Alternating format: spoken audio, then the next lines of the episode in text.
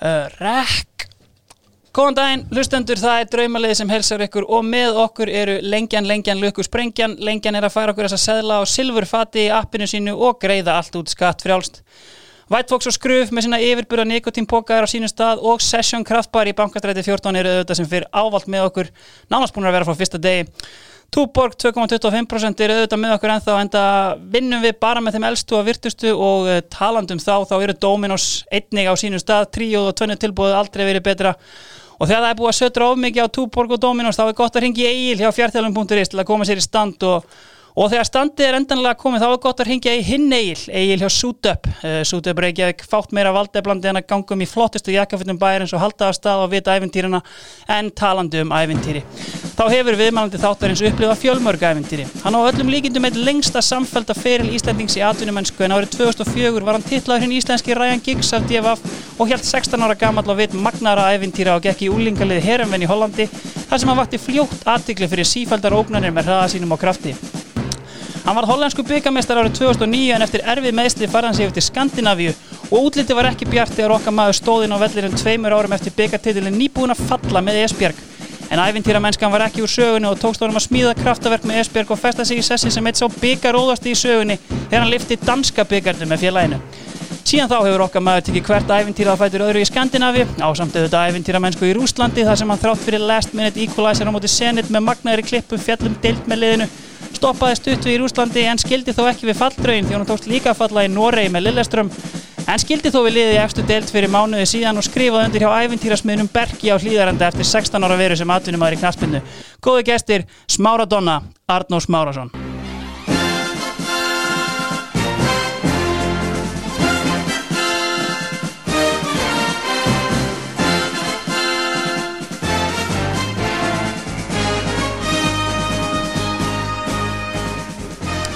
Blessaður Arnór. Blessaður. Uh, 16 ára á æfintýrum, zoomið upp á 45 sekundum, var þetta nokkuð næri lægi bara? Já, já, þetta var flott, þetta er svona eins og þú lýsir, þetta er, þetta er verið svolítið upp og niður. Já, sko, veist, náttúrulega ekki margir sem að, sem tekst að taka málma í atvinnumennsku, en eru föllin eitthvað sem að þú hugsar eh, til sem svona pyrrandi hluti eða? Já, já, það er náttúrulega alltaf umulett að falla, Mm. en maður hefur svona sko reyndað já, veist, í þessum tilvikum í Esberg og í Lilleström þá hefur maður svona veist, komið upp aftur Mm. mm. hjálpa leiðinu upp aftur og, og það er svona það er líka ákveðin svona eh, já, sigur eftir, eftir fall Klálega, þannig að það er náttúrulega lýsir enn einu æfintýrin og, og mögnuðum karakter. Sko, Session Kraftbar hafa verið með mér frá því að þetta tók á sig einhverja alvöru mynd. Þeir hafa svona verið að spyrja út í bestu móralsku stemminguna og þú verður að spila í fimm löndum og svona á hvað stað er svona veist, mikilvægast að lifta sér upp og, og gera sér glaðan dag eftir sigurleik eða erfiðar æfingar. sko Danin er náttúrulega mjög skemmtilegur þegar að kemur að hérna, að skemmtun Mm.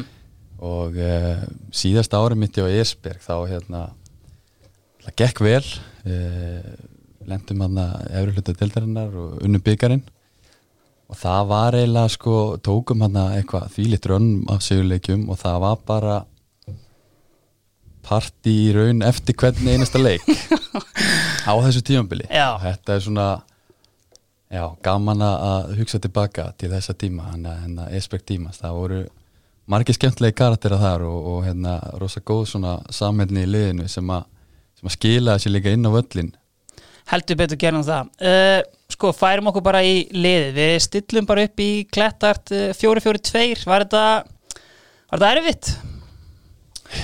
Já, já, þetta er náttúrulega alltaf erfitt, þetta er náttúrulega mörg ár og þú veist, mörg lið og klubbar og, og hérna en uh, já, já, eftir svona smá íhugsuna þá svona er ég svona, já, já, ágætlega sáttu með með uppstillinguna. Ég held þú meir alveg vera það. Sko, það jú, það er klárt mál. Markmaðurinn er í bóði Túborg. Túborg er bjór markmanna 2,25% svo það líkur beinast við þetta sé þeirra liður eh, bjór ársins í fótboltanum á Íslandi árið 2020 gríðarlega mikilvæga fyrir fyrirtæki í dag sem er í grænum skrefum. Það eru grön skrefin. Gerist ekki grænar en Túborgin uh, margi góði markmenn Arnór en svona, veist var þetta kannski, veist, ef maður horfir á þetta svona heilt yfir auðvelt valaða Já, en Lukas Radetski uh, finskur landslýsmarkmaður uh, spilar í dag með Leverkusen. Mm Við spilum saman í Esbjerg uh, hann fekk bara viðnefni Mr. Clean Sheet það er ekkert flóknar en það og hérna hann, já, alveg potið um markmaður, er búin að taka svona ferilinn í í skrefum, þú veist, fótt í Brömbi fótt í Frankfurt og svo núna Leverkusen, það verður spennandi að fylgjast með næsta skrefi hjá honum því að hann er svona alltaf tekið bara já, framförum á hverjum stað sem hann er. Tekur einmitt við af Bernd Leno hann já, Leverkusen og Leno á þeim tíma svona létt legend hjá þeim þó hann kannski svona í erfitt uppbráttar í dag en þú veist, og verðist bara að hafa haldið þessari stöðu og veist, eins og það segir kannski eitt skrefi viðbót mögulegt fyrir gæðan Já, alveg klálega, það verður náttúrulega gaman að sjá hann í, í Premier League á einhverjum tímapunkti, ég held að hann geti alveg tækla það, tækla það mjög vel sko. algjörlega sko ef við förum bara aðeins út í hérna uh, bernsku Arnórs, þú ert svona hálgerð hérna badnastjarna af því sem ég hef komist næst hérna í uh, mínum þáttum hérna sko eh, þetta eru svona þú og Rúrik sem eru geiturnar hérna í, í þessum 88, 89, 87 árgangum Já, í rauninni og kannski má, veist, Bjarni Viðars Mm. var svona með okkur líka þarna á þessum tíma? Já, þetta var sko, þetta var mikið í á háká uh, hjá okkar árgangi. Sem er einmitt ústendalegur sjálfmótsins. Jú, jú, Eh, mikið rétt. Já, uh, Arnór Valin MVP en svíður ennþá að hafa klúra víti í ústendalegnum Já, já, hann gerir það.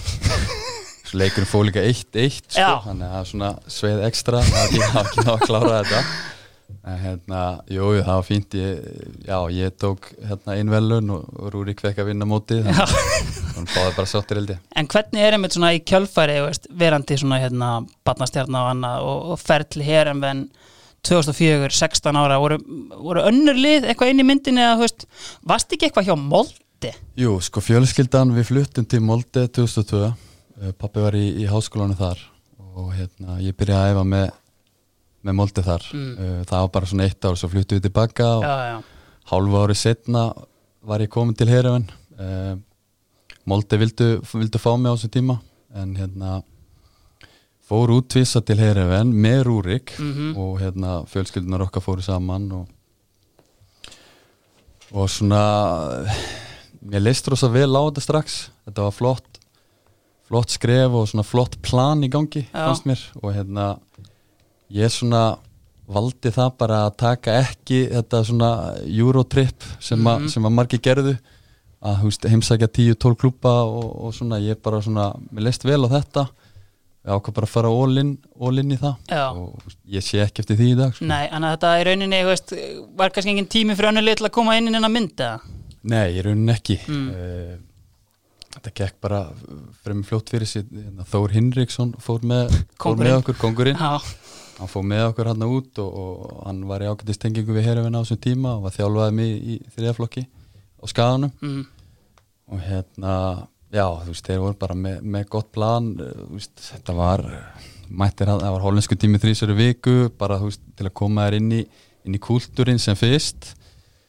Og svo var þetta bara alvöru atvinnumanna prógram, þóttu værir þú veist, 15-16 ára þarna á þessum tíma og þetta, lærðir ekkert smá mikið, sko Hvernig rankaði hérna, veist, þessi úlingalið U19 og, og, og varaliði vantarlega eitthvað, veist, hvernig voruð þið að ranka hérna í, veist, þessari flóru af stjörnu ungum leikmönum hérna í Hollandi? Já, sko, Herifin var eiginlega bara í öllum aldurshópum topp 3, topp 4 Mm. ásamt, þú veist, Ajax, PSV og, og, Feyenoord það voru svona þessi fjögur lið sem voru að berjast um um sigurinn í, í, í flestum flokkum og það var alveg eins og okkur bæði við 17 og við 19 og, og svo Herifin alltaf með, með gott varalið uh, unnu, unnu þátild oft á þessum tíma.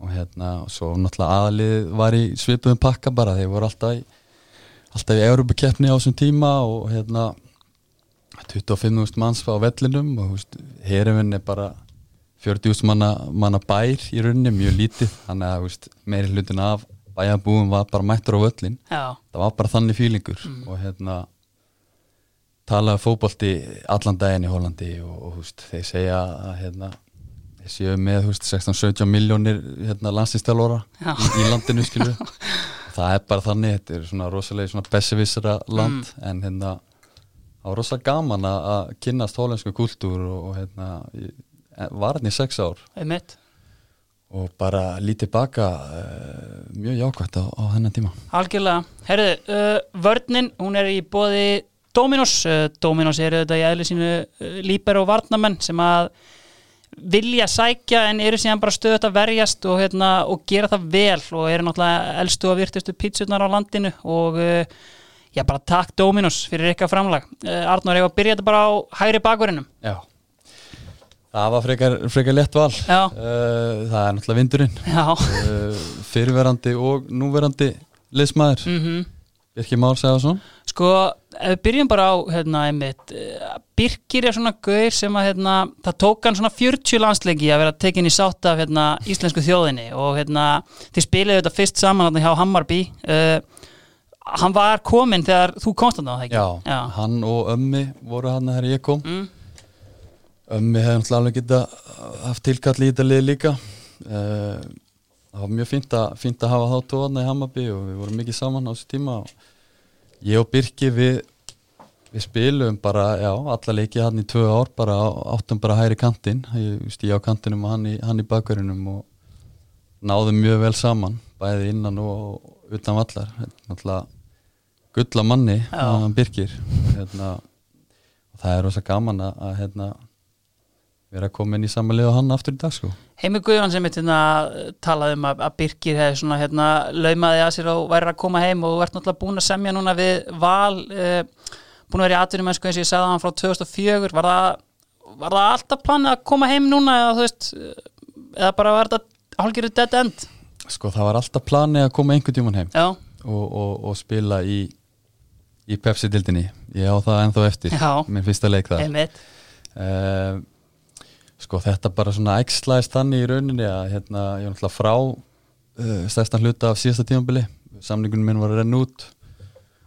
Og svona já, ég ákvað bara að svona núlstilla mig uh, koma heim uh, fá ferilinn minn aftur í gang í rauninni.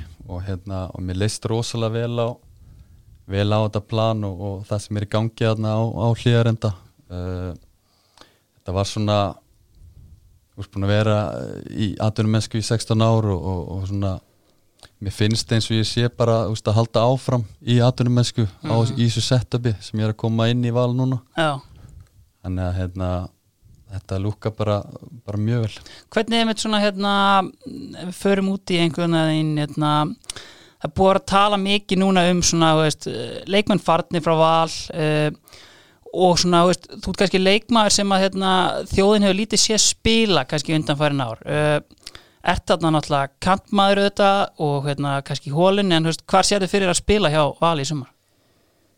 Það er bara verður að koma svolítið í ljós uh, ég get leist flesta stöður framálega á vellinum Mm. hvort sem að það er veist 6, 8, 10 kantur frammeri Mm. í rauninni Mm ég er svona já, bara svona liðsmaður að upplægi spila oftast bara þar sem að þar sem að já, e, þar sem þjálfurinn vill að ég spili, mjög klísukjönd en það, þú veist, ég er bara þannig leik Ja, draumir hvers þjálfara. Já, já, algjörlega, sko annar hægri bakkurur, uh, var ekki Daril Janmat með þér í herumvenn? Jú, Já. það passar. Gaur sem hefur svona hérna spilað í setni tíð fyrir svona lower level uh, League klúpa en, en lengi alveg fastamæður í hollandska landsliðin og, og tekist að skila mjög frambæralegum tölum í, í fantasy. Hvað er hérna svona, veist sástu fyrir þér eh, enn starra dæmi í honum eða er hann bara á pari, flottur.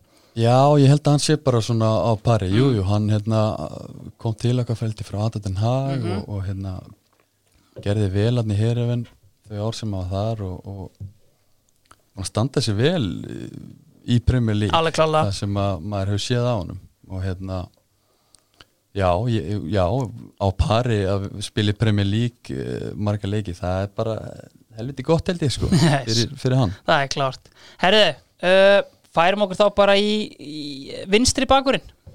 Já, vinstri bakur það er í rauninni sko, ég var að vera með hæ, tvo hæri bakurinn bara.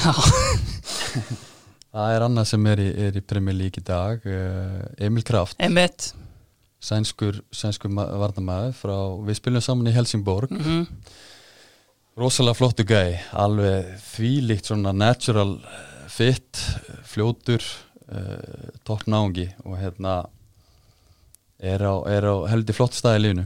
Hann er á flottinn stað í lífinu en, en kannski ekki alveg fengið að blómstra undir stjórn uh, kraftverkumannsins Steve Bruce uh, Nei. En þú veist, hann alltaf spilaði, var ekki Bologna hérna Jú. áður en að fyrir hann Jú, hann fótt til Bologna og svo fór hann til Fraklands uh, Amiens held ég hann að fari og svo, og svo Newcastle núna uh, Já, veist, já veist, flottu ferill að hann, hérna, hann var frekar ungu þegar við spilum saman Mhm. í Helsingborg en maður sá svona, þú veist það var alveg gæi sem að átt eftir að gera vel og, og veist, verða, verða sænsku landslismadur og, og, og spila í stærri deild Það förum bara hans hérna út í hoppum bara yfir þetta einhvern veginn í tímalínu hérna Já, sko, en hérna sko uh, þú fer frá Esbjörg til Helsingborg á Já. þeim tíma þá hérna orðið byggamestari með Esbjörg og veist, gengið mjög vel og þá er komið svona orðrómar einmitt um kannski aftur í hollensku dildina var það eitthvað í myndinni?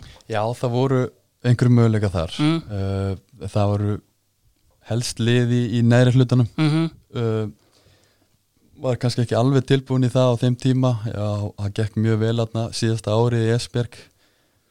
Við erum hann að byggja mistarar og, og hérna voru með, eins og segi, gott stemningslið og Mhm. bara, já, gott lið. Var ekki leikmenn sem að hafa gert það mjög gott síðan mér. Um, búin að vera í Esbjerg í þrjú ár, samningunum renn út. Mér fannst bara svona tími á að prófa eitthvað nýtt það voru fleiri lið í Skandinavi líka sem að, sem að hérna, buðið með samning en Helsingborg var bara topplið í Svíþjóð á þessum tíma og hérna voru eftir dildinni á þessum tíma Já. og hérna leist rosalega vel á það skrefa veist eh, enn og oftur prófa nýtt land og, og, og svona, já, nýjan kultúr og kom inn í topplið þar þannig að það var hérna svona á þeim tíma eh, fannst mér rosa, rosa gott skref ferðið mitt þarna á þeim tíma sem að Helsingborg eru búin að gera mjög góða hluti og eru þarna unnu tvöfalt 2011 með Guðjón Pétur Liðsson að syngja og tralla einhver staðar í kringum lið en það sem hefur gerst kannski síðar hjá Helsingborg er náttúrulega ekkert sérstaklega merkilegt og svona hérna veist, veist, var það að byrja þegar þú varst þarna eða var ennþá bara, fóru úsleituleik byggarsins eða ekki? Jú, fórum í úrsletaleg byggasins hérna 2014 Mm. og það var ömulegt að tapa, tapa þeim leik, það hefur verið gaman að taka þrjá byggamest Heldur í, í, í þrem löndum sko. þannig að það svíður ennþá. Já, en þetta var sko sænski byggarn á þessu tíma var ekkert sérstakur. Nei, það var lítil, lítil stemning fyrir honum. Uh, kemur frá sko byggarústaleiki í Hollandi þar sem er bara fullt hús á, á De Kuip í Rotterdam 60.000 manns svo ferðu í, í, í hérna, byggarústaleiki í Danmörku á Parken og það er bara þú veist, nánast fullt hús og, og allir að syngja og tralla já, svo kemur hérna tveim ári síðar í, í Svíþjóð á Friends Arena. Og það er vinavöllum bara Já, og það, já, einmitt, og það, það er bara ekki hræða í stúkunni. Það var, það var bara 3000 manns á 50.000 manna velli. Þetta var alveg, þetta var mjög sérstakt. Já, en hérna svíjarnir er nú búin að breyta fyrirkomuleginu í dag Mm. spila bara mestmægnis byggarinn e, fyrir tímambil einmitt, já á undingumstímbilinu og það er svona á flott skref hjá þeim það er Mhm. hérna, miklu meiri stemning fyrir þessu og, og hérna en auðvitað grautfullt að tapa þessu leik uh, en, en svo komum við aftur að spurningunni með, með Helsingborg Mhm. að þá sko maður fann fyrir svona hálfa ári eftir að koma að hérna buttan var svolítið tóm á þessum tíma uh, þeir þurfti að selja uh, marga af sínum bestu leikmönnum sem að höfðu verið á mjög góðum samningum uh, árin áður, hann ætlaði að gengi vel og þú veist, Európa-keppni og allt þetta menn á, menn á hörku samningum og, og hérna skipta þeim út og fá aðra leikmenn inn verri leikmenn Já, já. Á, á miklu, miklu læri samningum það segir sér svona svolítið sjálft að hérna, það er erfitt að, að ná í sömu úslit uh, það bara er þannig. Og það var einmitt reynd að fá inn uh, góðsögnina Henrik Larsson, uh, heimkoma sem hefði verið beðið lengi eftir í Helsingborg en hún reyndist ekki sérstaklega farsal fyrir Smára Donna. ekki til að byrja með. Nei, það hérna, fekk hans að kynast því.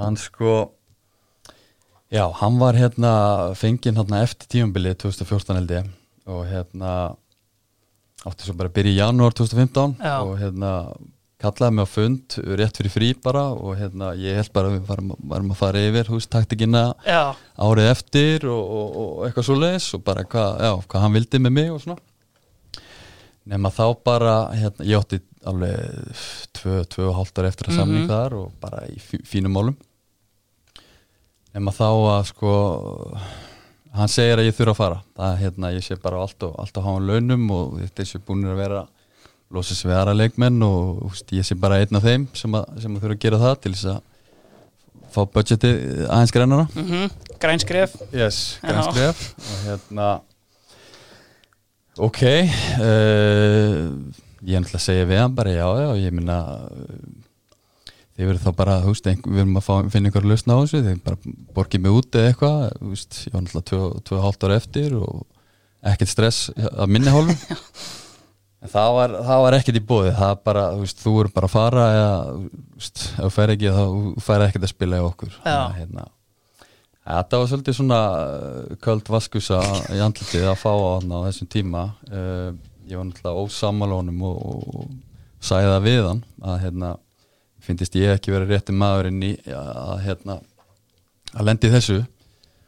Uh, nýtt undirbúinstimbili byrjar og hérna þetta lukkar ekkert það vel fyrir mig. Ég settur í hægri bakvörðin í einhverjum æfingarleikjum og en ég ákvað bara veist að, bara halda kjafti og, og hérna bara eh, vinna mig vinna minn í lið. Bara hérna ákvað að taka þann veginn á þetta ekki vera að væla í, í fjölmilum eða væla hér og þar bara hérna taka þetta svolítið á, á kjamman og, og veist, halda áfram. Mm. uh, og það hérna það gekk ágætlega en það, veist, það var sama, sama situation. Svo hérna fyrir lók gluggan sanna í, í februar þá kemur upp þetta með að fara á lán til Torpeda Moskva í, í Rúslandi Mm og það var svona bara eh, fín löst fyrir, fyrir báða aðila þetta, þetta var lán bara fram á sumar en veist, bara svona hérna aðeins til að til að, já, koma koma ferlinum aftur í gang og, og kannski fá einhvern spilatíma og veist, þetta var náttúrulega skref upp á við Einmitt. klálega Já. að fara í rúsnesku úrvastildina og hérna uh, spila með mörgum mjög góðum leikmönnum og flestast landslismenn hann í, í Torpedo Moskva á þessum tíma þóttu við falli á endanum þá var þetta mjög hátt level og Já. rúsneska deildin mjög hátt rönguð á þessum tíma líka þannig hérna það var fínt en svo, veist, svo kom ég tilbaka til Helsingborg í sumari og það var náttúrulega bara sama staða þú veist, ef að þú, þú Var það bara, tímabilið í gangi Já, það var Svíunum? tímabili í gangi sko, það var bara mitt, mitt tímabil Mm. það var bara sama staða að hérna ef þú fer ekki, þú fer ekki að spila. Og hérna, ég tók bara sama, sama pakka, bara helt kjátti og, bara reyndi að vinna mig inn í liðið. Og hérna svo sko, og reyndi náttúrulega að, úst, að, að hérna, finna eitthvað annað lið á endanum. Og svo á loka degi gluggans að þá er ég með lið uh, í Skotlandi sem vildi fá mig. Og ég er tilbúin að fara bara veist, ég, ég sé bara fram á það að það er ekkert að fara að breytast og veist, alveg sama hvað ég gerði ég var búin að veist, hoppa inn í nokkru leikjum og skora og svo leikin eftir var ég bara að láta hinn hitt upp nánast allan tíman sko. Þetta var svolítið svona. Já, um, en þá sko voru þeir Helsingborg nýbúin að selja þeir seldu Gulla Viktor og þeir seldu hérna, einhverja fleiri og á þessum loka degi þá neytar Hengi Larsson mér að fara og sko við tölum hollensku saman hann alltaf var, var Já, í já. Hollandi lengi og ég, ég, ég er Hollandi þannig að við tölum alltaf saman á hollensku og ég, ég hringdi beint í hann og það var svona það voru nokkur vel valin orð látið falla uh, að minni hálfu skulum segja orðað þannig Já. og hérna ég svona já uh, leta hann aðeins heyra það. Og hérna og sagði bara, ég meina ef þú ætlar að neyta mér þessu og þá, þá verð ég bara að fá að spila. Úst, þetta bara, eh, annars gengur þetta ekkit upp. Og ég spilaði alla leiki eftir það. Restina sísonu og Já. það bara gekk, gekk mjög vel. Þannig að svona, já, þetta var svona smá svona redemption uh, dæmi og hérna við enduðum þetta bara á, á mjög góðum nótum ég, ég og Hengi og hérna, urðum bara mjög góði félagar. Hann svona, ég held að hann hafi svona respekta svona þennan máta sem að ég, ég tæklaði þetta á. Þetta er náttúrulega gaur sem að hefur séð allt í fótboltanum og bara legend náttúrulega í Svíþjóð og í Helsingborg eða var það allavega. Veist, ég var hérna fyrir hérna einu og hálfa ári cirka með Ólaf Inga sem spilaði með hann með í Helsingborg og bar svona nefnt undir hann bara svona típuna. Og hann saði rauninni að þú veist hvernig þetta hefði ægstast hjá hann sem þjálfara í Helsingborg hefði rauninni ekki kannski komið honum á óvart því að hann svona einhvern veginn var hann var einhvern veginn bara veist, það langt á undan allan á samherjum sínu þá að veist, veist, var hann erfiður veist, svona, sem þjálfari mikkar kröfur kannski sem að hérna, leikmenn voru ekki að eh, fíla og hann kannski fóð bara í fílu eða eitthvað svo leiðis Sko út á við mm.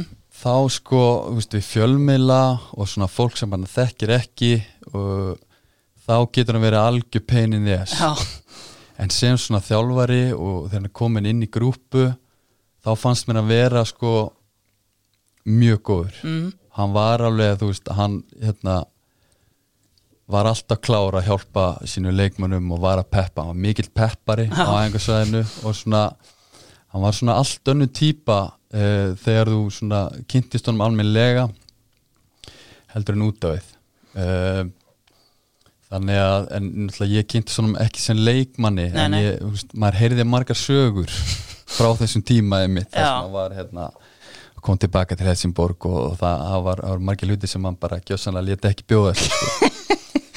en hérna hann var aðeins og teklaði þetta aðeins öðru sí sem, sem þjálfari. Hann er komin á aðeins hérna hæra level núna Það má segja það. Ég held að sé aðstofþjálfarinn hans hérna, Ronald Koeman í Barcelona. Heldur að veist, það sé svona gigg þar sem hann flórisar og hérna næra að njóta sér vel. Já, ég held að það sé bara perfect move fyrir hann sko. Frábær staði fyrir hann að vera á sem aðstöðþjóður hann í stórum klúpi uh, hann er náttúrulega mjög uh, respektaður og hans nafn í, í fókbaltaheiminum og hérna það er ekkert hver sem er sem fær að vera aðstöðþjóður hjá Barcelona. Uh, hann er, er ákveðist á Algjörlega, herru, færum okkur inn í uh, hafsendana, þú mátt bara hérna ráða á hvornum þú byrjar. Já, ekki byrja bara á frúðu kippe. Jú. Það er hérna það er alveg legend. Uh, 42, ég held að veri 43 á þessu ári sko, og hérna en þá bara í skrimslastandi já bara toppstandi. Bara því líkt natural fitness sko þótt að hann sé oftast þú veist alltaf klári í eitthvað skemmtilegt uh, uh, fyrir utan fókbaltan þá er hann alltaf alltaf klár inn á vellinu líka og hérna var hættur sko hætti eftir tímabild 2019 fóri í þjálfvarnatemi á Lilleström uh, tók svo aftur fram skóna núna í, í, í, í haust spilaði nokkru leiki og það bara, veist, það bara sama gamla bara ennþá í fullu svingi sko. Einmitt. sko hann er náttúrulega líka sem að hérna, kemur kannski hérna, mest á algjör gammur inn í tegnum og haugur af mörgum í honum. Já, já, hann er náttúrulega bara Já, skrimsli bæði í, í sínu vítateg og vítateg anstæðingana og hérna er ísa stór, sterkur það var ekki mörg mörg einvi, von við von allavega í, í loftinu sem hann tapði á með því Nei, einmitt, og hann allavega hérna hann á þetta tvö ár hjá Liverpool það sem hann allavega spilar ekkert en þú veist, var það svona, þú veist að því hann alltaf er síðan bara legend hjá Lilleström og spilar mm. það eiginlega allan sín feril fyrir utan nokk, eða, eitt eða tvö ári í stók með Hjörvar í haflega sinni veist, er þetta gauð sem hefði geta gert veist, aðeins meira með ferilin en bara vera legend í Lilleström? Já, ég held það nú mm. hann hefði alveg getað það á svona, já, eftir þennan lögupöld tíma og eftir þessi landtíma hjá stók og, og eitthvað svo les mm. Jú, hann hefði getað það sko en ég held að svona, veist, hann hefði verið bara heimakjær og Lilleström var náttúrulega með mjög gott lið líka á, á þessum tíma hann eh, uppur og eftir 2000 mm -hmm. og hérna en þegar voru komnið tveir, þrýr í blóði þá var hann, hann fljóttur að setja á eitthvað gammalt YouTube-vídeó og að setja hérna, eh, einhverjum Liverpool byggarleik sem stekk hérna um árið það var bara mjög gaman að hei Hann hefði þetta spilar hjá Gauja Þóruðar í Stók Rættuð eitthvað saman um, um þinn mann? Já, já, heldur betur Bara hann honum vel söguna? Hann bara hann mjög vel söguna hann væri alveg, alveg crazy crazy bastard en, hérna, Já, já, hann bara gauja mjög vel söguna á þessum, þessum íslendingum sem voru þar á þessum tíma sko. Einmitt. Herru, hver er með honum í hafsendinum? Herðu, það er sko það er gæi sem heitir Joseph Aidu Mm -hmm. hann er frá Ghana uh, spilaði með mér í Hammarby. Það er annars svona algjörðskrimsli hann spilar eiginlega líka í dag uh, í liði sem er, er að Selta Vigo?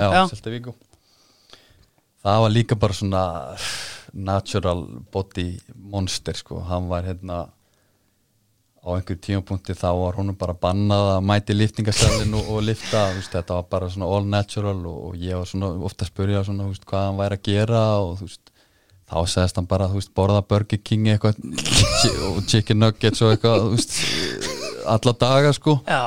alltaf í því líku standi og, og hérna, já, bara rosalega flottur leikmar að spila með. Þetta er svona, ég tjekkaði mitt hérna á honum á, á YouTube, nokkur góð eh, YouTube highlight frá honum. Þetta- Hann er svona 1.80, ekki mikið stærri en það og bara hérna, en eins og þú segir, bara algjört skrimsli. Já, og hann bara er algjört Hammarby legend sko, þú veist Hammarby stuðnismenn náttúrulega fílu, fílu svona mann í botn, hann kom náttúrulega ungu til, til Hammarby og hérna seldur á, á, á góðan pening líka, Já. hann er hérna og er bara á, já, flottum staðið sínu ferli og það kemur ekki óvart ef hann er enn lengra ungur ára með það. Einmitt, sko, hann talar ítrekkað um sjálfan sig sem ljónið og allir heimavallir hans eru ljónagriðjan. Er þetta aðteklisverður náungið það? Já, hann er það sko og hérna, hann er mjög, hann er svona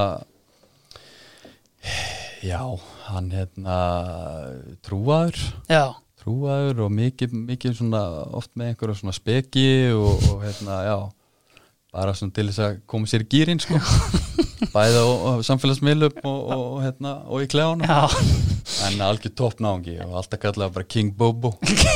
King Bobo en uh, já, bara vona honum gangi, gangi sem allra best sko. Sammála því. Sko, Hammarby sem hérna klúppur, þetta er þetta félag sem spilar bara á, rúmlega 30 manna velli og, og ég eigu slatan og annað, svona, veist, hvernig hérna, veist, hvernig fílaði þú að vera hana? bara æðislega. Já, bara alveg æðislega. Þetta er alveg frábær klúpur sko. Og hérna ætla bæði það að hann er í Stokkólmi að búi í Stokkólmi og að spila spila fyrir framann sko 25.000 að meðaltali á Einmitt, leik já. á, á, á tímabili.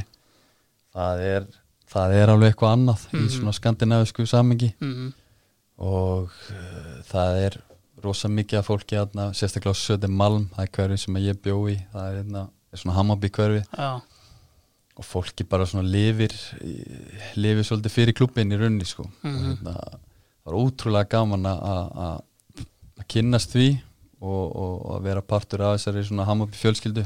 Uh, svo náttúrulega bara derbileikirnir við Djurgården og AEK og þetta er þetta er bara eitthvað allt annað heldur en maður hefur kynst Þetta er einmitt svona það sem að maður hefur kannski ekkit endilega svona fatta en, en svona veist, komst kannski í hámæli þegar hérna í svona alþjóðlegu samengi þegar hérna Slatan kaupir sig inn í Hammarby og, og stöðnir með Malmö gjössanlega trillast og svona veist, miklu meiri svona þú veist, passion fyrir sænskum fótbolta eða stöðnismennum heldur en maður gerir sér grein fyrir kannski. Já, rosalegt passion. Bæði Stokkólm liðin svo þú veist Malmö, Helsingborg Gautaborg. Mhm. þetta er allt lið með þvílíkan fanbase og, og alveg kolbilaðir stundum sko. Já, og hérna sko það var uh, fyrir sko fyrsta leik 2014 það var, Hel það var í Helsingborg Já. og spila á móti Djurgården fyrsta leik, það var sunnundegi þá var sko, það var hokkileikur Djurgården að móti einhverju raugli einhverju liði þarna frá Helsingborg. Þannig að þú veist Djurgården stuðnismenni þeir mættu bara á lögadegi fóru á ísokkileikin svo bara jammað og þú veist allt broti og bramla í Helsingborg. Það, þá nótt já, og svo hérna svo mættu menn bara beint í leik þú veist, á hérna, sunnundarsháti og, og, og þennan dag þá gerist það sko að, að hérna eitt stuðnismæður það verður náttúrulega því líklega eitt annað fyrir, fyrir, eh, fyrir leik og, og fyrir utan völlin og, það hérna enda með því að eitt stuðnismæður Djurgården hann deyr. Já, og þetta gerist bara nokkrum mínútu fyrir, fyrir leik þannig að leikurinn byrjar og svo svona eftir svona kortið 20 mínútur í, í leiknum þá, þá byrjar sko það verður allt vittlust Já. Djurgård er megin, þeir voru mættir hann 5-6 hús manns. Já, og, og, og byrja bara þú veist, að hlaupin á völlin og byrja að augra Helsingborstinsmunum já, og fólk svona fatta ekkert hvað hva í fjandanum er í gangi. Já. og þá sko uh, kemur það fljótt í ljós að það hafi uh, stundismæður dáið þarna rétt fyrir leik og, og og það voru bara allir öllum sagt að bara sprettin í klefa og Já. svo, svo bara læst sko Já. að með, veist, það átt allir fjö, fótu sínu fjöra launa já, þetta svona kannski aðeins svo langt gengi en Já, þetta já. svona lýsir þessum svona sænska svona fótbolta bullu kúltúr í rauninni þetta er, já, þetta er á svona miklu stærra level heldur en að ég, heldur en að fólk kannski hérna á Íslandi gerir sér svolítið grein fyrir sko. algjörlega Sko, fjartjálum.is uh, Gilsarinn er búin að hólfa niður sporthúsið og, og hérna geggja að bóka bara ráðgjöfin á fjartjálum.is og hann snýði fullkomið prógram fyrir ykkur Sko, Gilsarinn hefur verið að spyrja út í svona harðasta leikmann sem að hérna, viðmændir hafa spilað með Var einhver sem kom upp í hugan þar?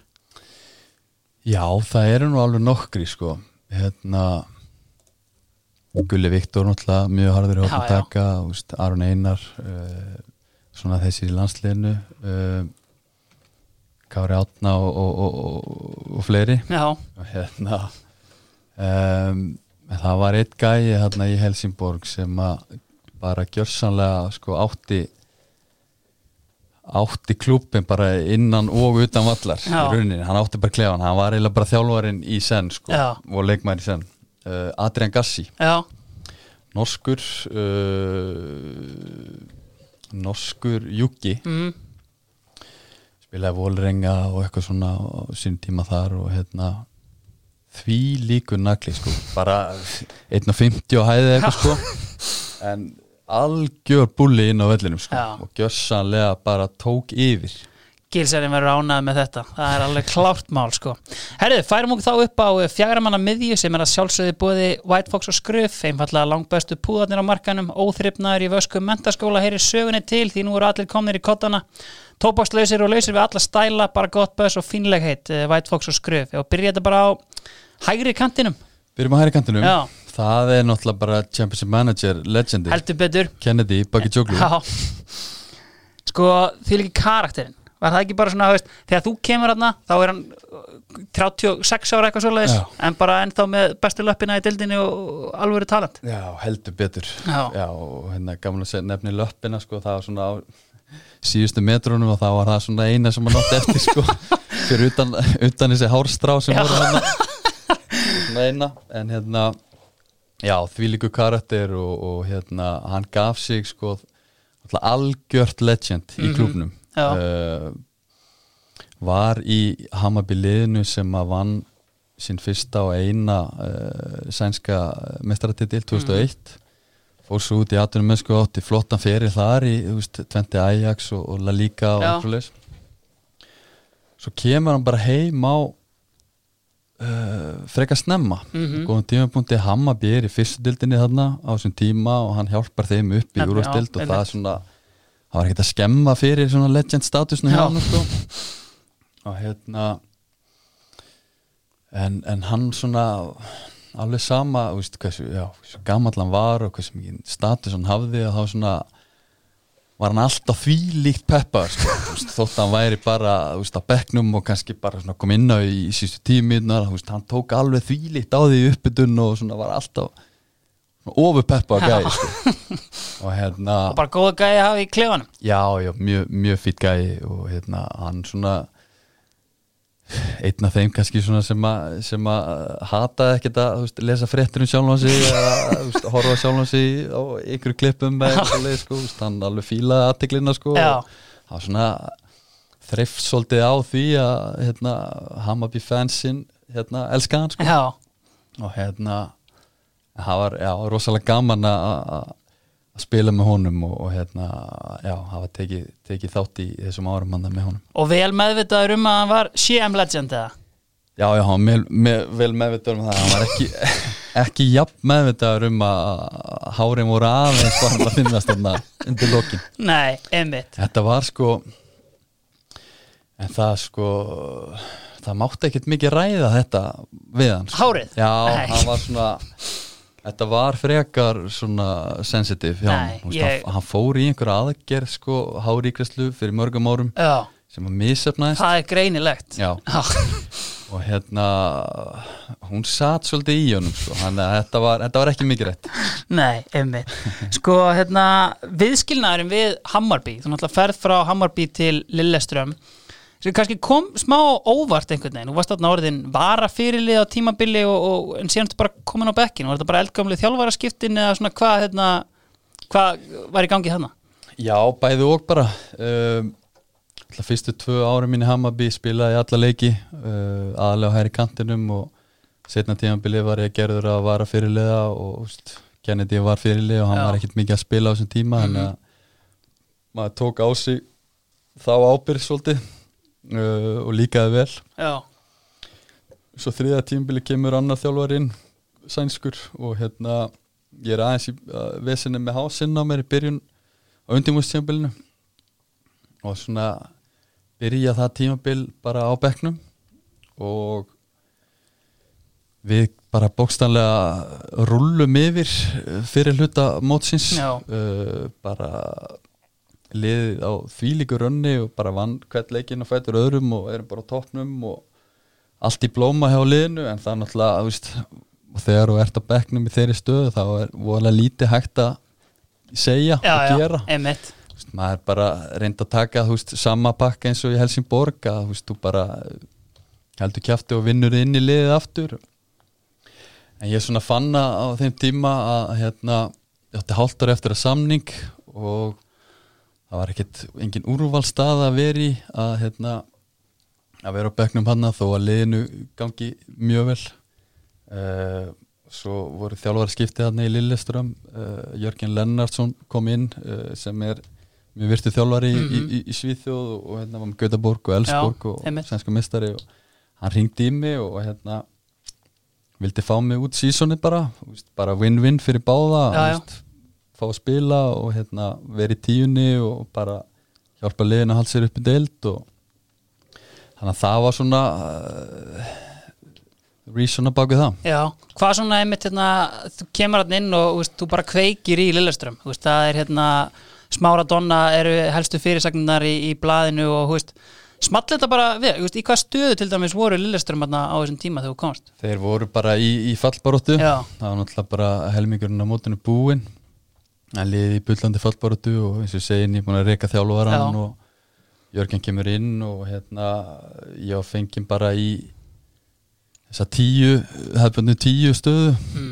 átti bara að vera sá sem að hérna bjóti færi og, og svona skapaði usla og skoraði einhver mörk og hjálpa liðinu bara að halda sér uppi og það gekk bara gekk uh, ljómandi vel fann mig vel aðna í, í, í Lilleström Þetta er einmitt lið sem að, örgulega það lið, sko, í hérna aðdurumanna fótboltan sem hvað flestir Íslendingar hafa spila með, veist, er gott respekt fyrir Íslendinga þegar þeir lenda hann í Lilleström? Já, algjörlega, algjörlega maður finnur það, það er rosalega vel talað um um Íslendingana sem hafa verið aðna Er einhverju sérstöku eftirlæti hjá stuðnismönnum? Já, sko Rúna Kristins náttúrulega, Mhm. Heiðar Helgu Já, Björn Bergmann Já. uh, sem kom aftur svo. Um, Já, já, það er alveg þú veist, indriði byrjun hann og, og fleiri, fleiri góðir sko Mm sem að hérna já, gerðu það bara, gerðu það vel. Hvernig voru hlutabröðin í þér til dæmis eftir þetta setni hérna sísón hjá Lilleström? Það var náttúrulega einmitt aftur samningslaus og hérna maður las einmitt um ævintýragirni hérna í Arnóri og, og svona, veist, en, en ákveður að semja aftur við Lilleström. Voru einhverjir hérna físilegir kostir í bóði þá? Já, það var náttúrulega mikið mikið í Nóri Já, uh, ég var náttúrulega í miklu betri samningsstöðu heldur en hálfu ári fyrr einmitt. sem ég var bara, þú veist, kona bekkin í Hamabi uh, þetta er fljótt að breytast í fólk ekki smá, þú veist, bæði upp og niður Einmitt. En já, þarna var maður svona aftur uh, já, svona komin inn í hittan og já, það voru mörglið í Nóri uh, og svo var eitthvað erlendis líka sem að ég skoðaði Já, en svona fannst ekki alveg nógu spennandi til þess að taka þú veist, bæði það ferðalag og, og, og Frá þann bíl Kína eða eitthvað svo leiðis Já, það var Ísrael og, og fyrst, Íran og fullt af einhverju svona sem að sem að hérna já, var kannski var ekki alveg málið á þessu tímapunkti. En hérna og mér leið bara mjög vel í Lilleström ég vissi mína stöðu í liðinu. Og bara ég og, og hérna kæristan við koma okkur vel fyrir hérna Mhm. og fekk bara frábæran díl á borðið og við ákvaðum bara að vera hérna áfram og bara halda áfram í rauninni að hérna hjálpa Lilleström ofar töfluna? Algjörlega. Herriði, og fara okkur yfir í eh, vinstri kantinn. Vinstri kantinn, já, þar er ég með er ekki Tarik Elionussi? Heldur betur. Jú, mm, Normaður uh, spilum saman í Hereven Já, hann hérna er búinn að eiga bara flottan feril. Mhm. uh, bæði just, í- flott lið sem hann hefur tekið Ég meina hann fór til hérna Olympiakos og, og hefur spilað í Bundeslíkunni En þú veist-. Emitt, þegar sko hérna En þegar hann kemur til Herenven þá er hann náttúrulega að koma ánga sem bara mesta efni sem Noregur hefur séð þannig Mhm. að svona í því samhengi er þetta kannski svona smá letdown úr því sem hefur orðið Mm. Sást þú bara magnaðan fyrir framöndan hjá sem gæða? bæði já og nei Já. sko í mann þegar hann kom fyrst til Hereven uh, fullu sjálfströst og, og veist, bara skorað og skorað og skorað á undirbúinstíðanbelinu og í byrjun móts og með norskan þjálfara líka Trond Já. Solid á þessum tíma uh, og hérna þetta lúkaði rosalega vel til að Já. byrja með en svo einhvern veginn fór sjálfströstið og hérna stuðnismenn Hereven uh, svona einhvern veginn hættu að fílan Já. og hann, svona, hann fann fyrir því það var ekki honum sko. Lítil sálega Já, var á þeim tíma allavega. Mhm. lítil sál. Og hérna bara datt út úr liðinu og þurfti bara að fara til Noregs aftur Lilleström og svo Rosenborg. Mm -hmm. bara svona til að koma ferðinum aftur í gang. Mm en uh, já, ég man á á þessum tíma hérna þegar hann var keiftur að það var hérna veki og þessi blöð hann í þau bara heldur valla vatni yfir þeim, sko. Já, en hérna, já, hann uh, jú, þetta hefði hann getað ná lengra en, veist, Hoffenheim og, og Olympiakos, svona, þetta eru þetta eru flotti klúbar Þetta er klálega proper ferill sko En ég með hefur séð veist, mikið af svona gaurum sem bara, þú veist, svona þú veist, kerðir áfram á veist, bara sjálfströsti mikið og þú veist, bara síðan droppa, hefur upplifað þetta sjálfur? Já, já, Mm. þetta er mjög stór partur af, af, af leik fótboltamanns að að þú þarft að hafa sjálfsveisti með þér sko. það, það hjálpar, það er einhvern veginn þannig að veist, allir boltar leka inn þegar að, þegar að vel gengur sko, og svo er allt stöngin út þegar, að, það, það og við. Þetta er, þetta er rosalega sérstæðstundum Já, en hérna já, það er mörg dæmi um það sko. mörg dæmi um það. Algjörlega. Herri, færum okkur bara inn á miðja miðjuna og þú mátt bara ráða hvar þú byrjar. Já, byrjum bara á Lasse Sjöne, danska dýnamitinu. mm. Við sko, þegar ég flytt til Hereven, uh, þarna 15 ára, Mm. þá, þá er ég settur sko inn á fjölskyldu sem að hafi verið með marga leikmenn uh, gegnum árin. Bara svona, já, uh, voru tvö herbyggi uh, og í hinu herbygginu var Lasse Sjöne. Já, Uh, eins og ég segi Danni, tveim árum eldri búin að vera hann í eitt ár áður en ég kom og við náðum rosa vel saman. Uh, við, við spilum ekki sko aðalisleik saman Nei. en hérna spilum mjög mikið mjög marga varalisleiki og 19 og, og, og svona saman og hérna algjör topp nági sko. Já, en hann var svona hann hérna hann droppaði út í einmitt. Þeir sko vildi ekki hafa hann lengur og hann var svona smá svona bad boy á, á þessum árum Já, sko fórseti heröfin hann var með sko þvílíka reglur sko þú ert að hafa hérna búningin onni í stuppusónum Já. sokkarnir þurft að vera alveg, alveg upp og helst draujaðir sko, og hérna máttir ekki vera með of sítt hár og, og veist, fullt af svona hlutum Já. og veist, Lassi Sjöne, veist, hann var alltaf með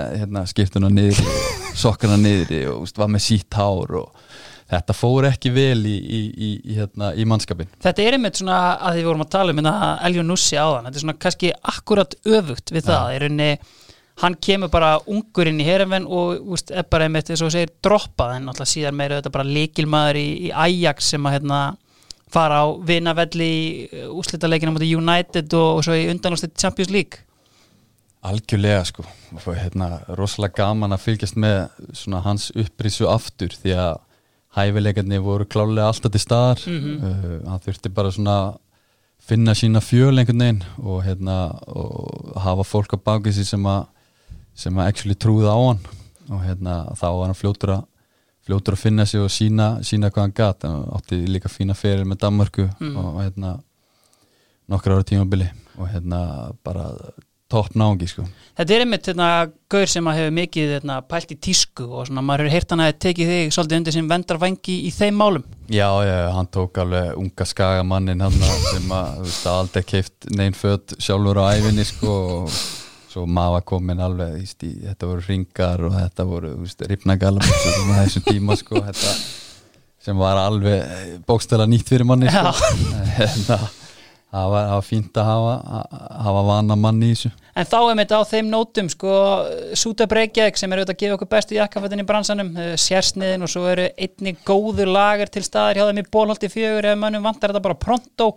Arnór, við séð marga búningsklefa í mörgum löndum. Er einhver staður sem að já, einhver leikmaður hefur bara staðið upp úr sem skelvilega klættur Já, ég ætla nú að velja svona hérna, mann sem að vonandi einhverju þekkja Já. Eh, Það er Tobias Salkvist Já, sem kom í fjölni. dansku leikmann sem kom til fjölni hérna, þú veist, 2015 eða 16 Já. hérna, flottu gæi sko, veist, svona yfir peppaðu Danni svolítið og fyrir sínar eigin leiðir og bæði í fata vali og, og bara lífinu almennt.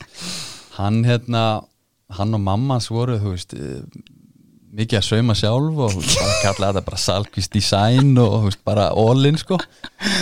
Og hérna hann mætti oft svona í, í sam, hvað segir maður hérna, samfestingum sem að voru svona aðeins á undan sinni tíð en mjög skemmtilegt samt. Já. Eh, ég man við vorum einu sinni sko á Marbella að enga ferð og húst, þá fór hann inn í einhverja skopparabúð og kom bara út eins og bara Ali G í rauninni sko þá mikið gekk inn að því bara Já. eitthvað svona appi sinni gulur uh, Heilgalli jumpsuit sko all the way Já. að svona já, hann átti, átti alveg til að vera mjög ferskur en Mm. hann átti líka til að fara allt og langt yfir strikki þannig að ég ætla að gefa honum þetta Það er einmitt gaur sem að hérna, kom til landsins, að hafi spila eitt tímabil var algjörlega frábær hérna og, og, og ferið þetta aftur út oft verið orðaðar aftur við íslensku veist, góðu leikmaður eða?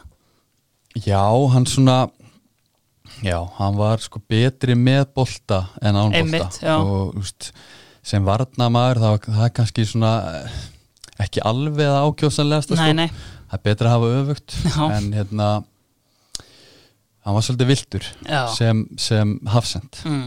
um, kom hann til Lilleström frá Belgíu, átt að vera svona, hjálpa liðun að taka næsta skref og komst aldrei almennilega í í þær hæðir sem að var ætlast til á veist, sem endaði bara með því að uh, kærastans var ólétt var flutt heim til Danmarkur og hann í rauninni bara svona uh, borgaði sér sjálfur út úr samningnum sko, var bara já, báðir aðeinslega voru komin með nóg og veist, þetta var bara svona besta í stöðunni fyrir hann. En hérna, veist, leðilegt en, en uh, En góður heilgalar frábæri helgala salkvist í sæn það, við erum að fá það til Íslands. Klart mál. Sko, förum þá bara aðeins hérna, talandu Lasse Sjöne yfir bara tíman hjá herumvenn Sko, hérna spilaði hérna fyrstu leiki þarna 2007 er það ekki rétt, með aðaliðinu Jú, nokkra leiki. Og svona, þú veist, verður byggamestari 2009 og veist, þetta er svona, þú veist þetta stefnir í að, þú veist, hérna það á að standa undir einhvern veginn hæpinu hjá, hérna hjá barnastjörnunni, hvernig svona, þú veist eftir á, svona, hérna byggamestarar árið eftir þá ertu náttúrulega bara meittur allan tíman og, og svo bara droppað Já, sko þetta var náttúrulega til að byrja með kemanda 15 ára og bara fer upp í rauninni gegnum alla akademíuna, mm Mhm. steg bara U17 U19, þeir voru ekkit rosa mikið að svona færa menn uh, Upp fyrir sig. upp fyrir sig. Uh, sem var bara allt í lægi maður bara var með þólemæði og, múst, og, og þannig og bara hérna let verkinn tala og flott, hérna, flott setup.